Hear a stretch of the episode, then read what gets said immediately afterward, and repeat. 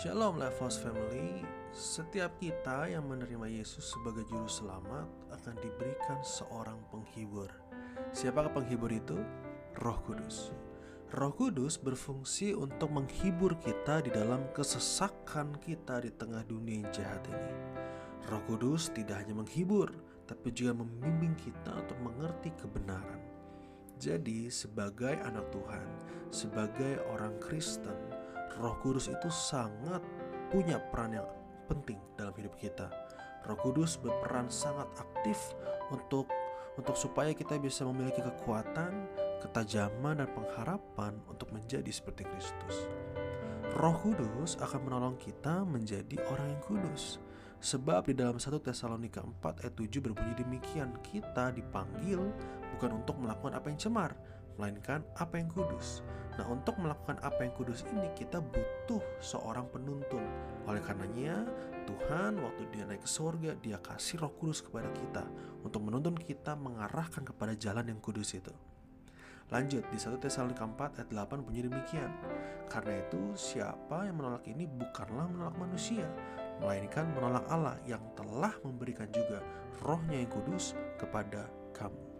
Jadi setiap kita punya panggilan untuk menjadi kudus, untuk melakukan apa yang kudus. Tapi jika kita menolak ini, kita sedang menolak roh kudus yang ada pada kita. Nah kalau kita sedang menolak roh kudus yang ada pada kita, sejatinya kita juga menolak Allah yang adalah Tuhan kita.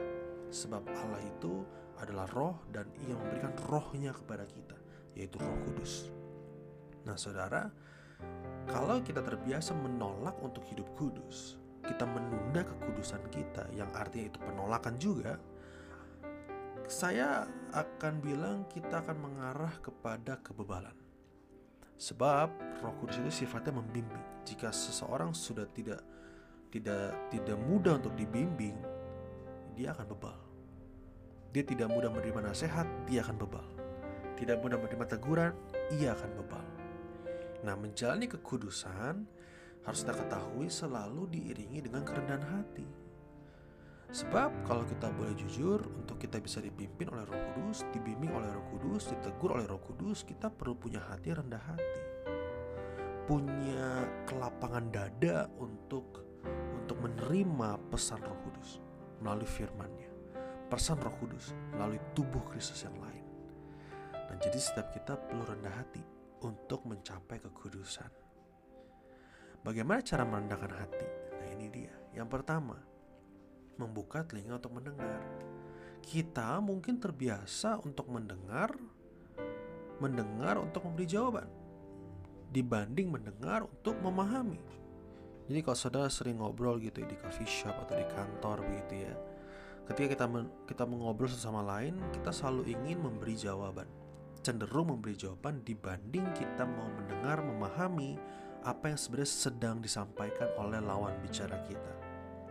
Nah, saudara, kita perlu belajar untuk mendengar sehingga waktu kita menjalani hari-hari hidup kita, kita mendengar firman, kita betul-betul memahami apa yang Roh Kudus sampaikan kepada kita waktu kita mendengar teguran, nasihat dari tubuh Kristus, dari teman komsa dan lain sebagainya, kita sedang mencoba memahami apa sih yang Roh Kudus mau sampaikan melalui mereka, melalui mentor kita, melalui teman-teman seperjuangan kita.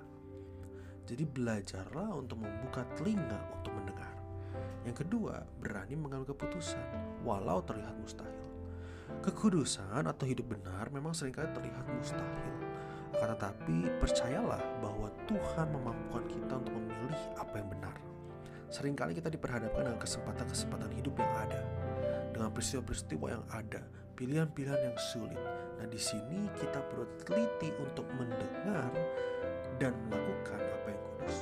Apa sih yang Roh Kudus sampaikan waktu kita punya situasi seperti ini? Apa sih firman Tuhan sampaikan waktu kita punya situasi seperti ini? Kita perlu teliti belajar membuka hati dan mendengar apa yang harus kita putuskan saat itu. Di sini kita melatih hidup kita bergerak dalam kepemimpinan Roh Kudus. Nah, jadi jangan sampai kita hidup ini terus-menerus menolak kekudusan, menolak pimpinan Roh Kudus. Jangan sampai. Tapi hendaklah kita rendah hati sebab kita dipanggil untuk melakukan kudus, bukan yang cemar. Tuhan Yesus menyertai kita semua.